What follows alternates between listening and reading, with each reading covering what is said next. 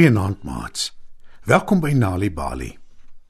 Mens hoef nie altyd groot, sterk en gespierd te wees om iets te vermag nie. Inteendeel, solank jy jou kop gebruik.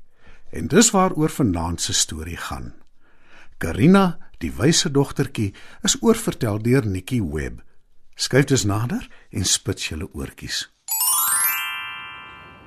Lank gelede op 'n klein dorpie in KwaZulu-Natal het daar 'n klein dogtertjie gebly. Haar naam was Karina en sy het saam met haar pappa en mamma en haar drie sissies Mims, Tilly en Lydia gebly. Eendag gaan Mims, Tilly en Lydia uit om hout bymekaar te maak. Kan ek saamkom asseblief? Smeek Karina. Nee, Sê Mims, jy's nog te klein. Ek sal my eie bondel hout dra. beloof Karina. Maar Mims, Tilly en Lydia skud hulle koppe en draf weg. Karina wag 'n rukkie. Toe draf sy agter haar susters aan. Hulle is al 'n hele end van die huis af weg voordat hulle agterkom Karina volg hulle. Wat dink jy doen jy? Roep Lydia vies. Ons het vir jou gesê jy moet by die huis bly.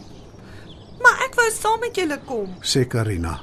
en dis te laat om my nou huis toe te stuur, veral alleen. Nou goed, maar jy beter nie huil as jy moeg word nie. Waarskynlik Tilly. Die ouer susters loop baie ver die dag op soek na droë hout. Karina huppel al langs hulle en tel klein stokkies op. Toe haar susters rus en middagete eet, maak sy haar stokkies skerp. Sy maak klein pile en ook 'n boog. Die susters begin weer hout soek en voordat hulle hulle oë kan uitvee, is dit donker, Daar's 'n klomp huise daar aan die kant. sê Mims. Kom ons vra of ons vanop by iemand kan oorbly. Hulle klop aan by die eerste huis en 'n ou dame maak die deur oop. Sy groet hulle vriendelik en toe sê sy dringend: Maak gou, meisies, kom in. Niemand hier wag dit buite in die donker nie. Sy vertel vir die susters van 'n groot slang wat snags rondseil in hulle klein dorpie. As hy op enige iemand afkom wat dit buite waag, sluk hy hulle heel in. Lydia skrik groot en begin huil. Toe maar, Lydia, Troos die dapper Karina. ek sal jou oppas. Ek is nie bang vir enige slang nie. Karina verseker Lydia dat sy veilig sal wees. Toe wys die ou dame vir hulle 'n buitekamer waar hulle kan oornag. Karina vra die ou dame of sy een van haar beesvelle kan leen wat sy in haar kombuis sien hang. Die ou dame stem in en Karina maak 'n klein gaatjie in die vel. Toe hang sy dit oor die deur van die kamer waar sy en haar susters die aand gaan slaap. Die beesvel sal my hopelik wakker maak wanneer die wind begin waai. verduidelik Karina vir haar susters. Toe gaap sy en gaan slaap. Na 'n paar ure steek die wind op. Dit waai en dit waai en dit ruk aan die beesvel. Maak Karina wakker. Fluister Lydia vir haar susters.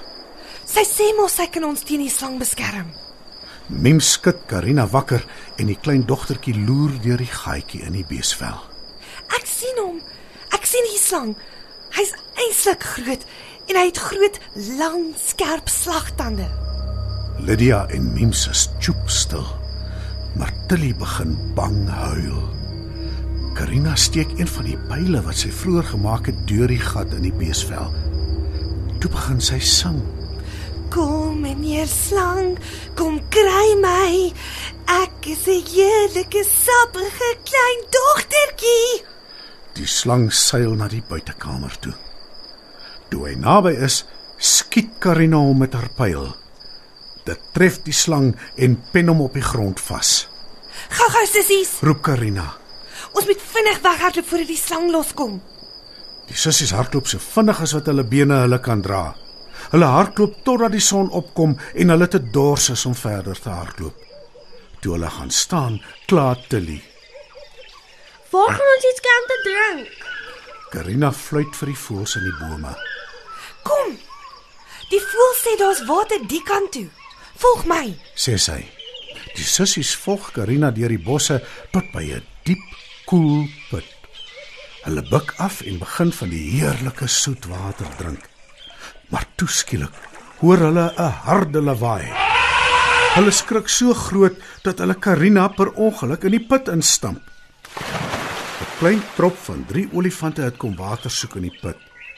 Toe die drie meisies hulle sien, gil hulle en hardloop weg en arme klein Karina, die dapper sussie, bly alleen agter in die put. Karina sien hoe 'n eislike olifant sy slurp in die put steek en water begin opslurp. Die lang slurp is reg langs haar. Sy probeer koes, maar te vergeefs. Die olifant slurp haar saam met die water op in sy slurp. Dit is donker en bedompig in die olifant se slurp en Karina is baie bang. Sy roep saggies om hulp. 'n Klein voeltjie hoor haar en fluit terug. Die drie sissies hardloop intussen al gillend terug na hulle klein dorpie toe. Ma? Pa? Roep Lydia. 'n Olifant het Karina ingesluk. Nou huil hulle ma en pa saam met die drie susters. Die hele gesin is redelik hysteries. Mense kom uit hulle huise om te sien wat aangaan. Niemand hoor die klein voeltjie wat op 'n tak in 'n boom sit en fluit nie. Dis te sê, niemand behalwe Karina se maat Dirk nie, Wag 'n bietjie julle. Luister na die klein voeltjie. sê hy. Hy weet waar Karina is. Kom ons volg hom. Ma, pa, die drie susters en Dirk volg die klein voeltjie tot by 'n klomp bome waar hulle die drie olifante sien rus. Hulle kruip agter rotse weg en luister aandagtig.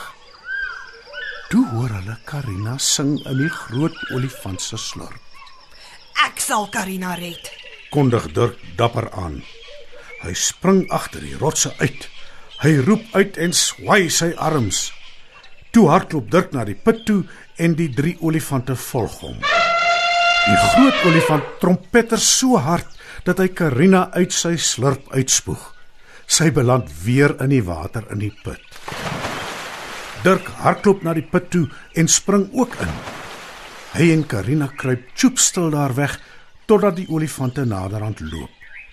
Toe help Dirk Karina uit die put uit. Hulle staan en lag en druk mekaar styf vas van verligting. Karina bedank Dirk dat hy haar gered het. Hy verseker haar dat haar aandeel net so groot was. Dan giggel Karina, die dapper wyse meisie, oor haar bang sissies en haar bang ouers. En net toe kom haar gesin nader gedraf. Hulle is baie verlig en prys Karina. Mims, Lydia en Tilly erken dat as dit nie vir haar was nie, die slang hulle sekerlik sou ingesluk het. Hulle beloof om nooit weer iewers heen te gaan sonder hulle kleinsus nie. Wanneer kinders tuis stories hoor, help dit hulle om beter leerders te word op skool. Vir meer stories om vir kinders voor te lees of vir stories wat kinders self kan lees, besoek ons by www.nalibali.mobi. Daar is heelwat stories in verskeie tale absoluut gratis beskikbaar. Daar is ook wenke oor hoe om stories vir kinders te lees en met hulle te deel sodat hulle hulle volle potensiaal kan ontwikkel. Nali Bali is ook op Facebook. Story Power. Bring dit huis toe.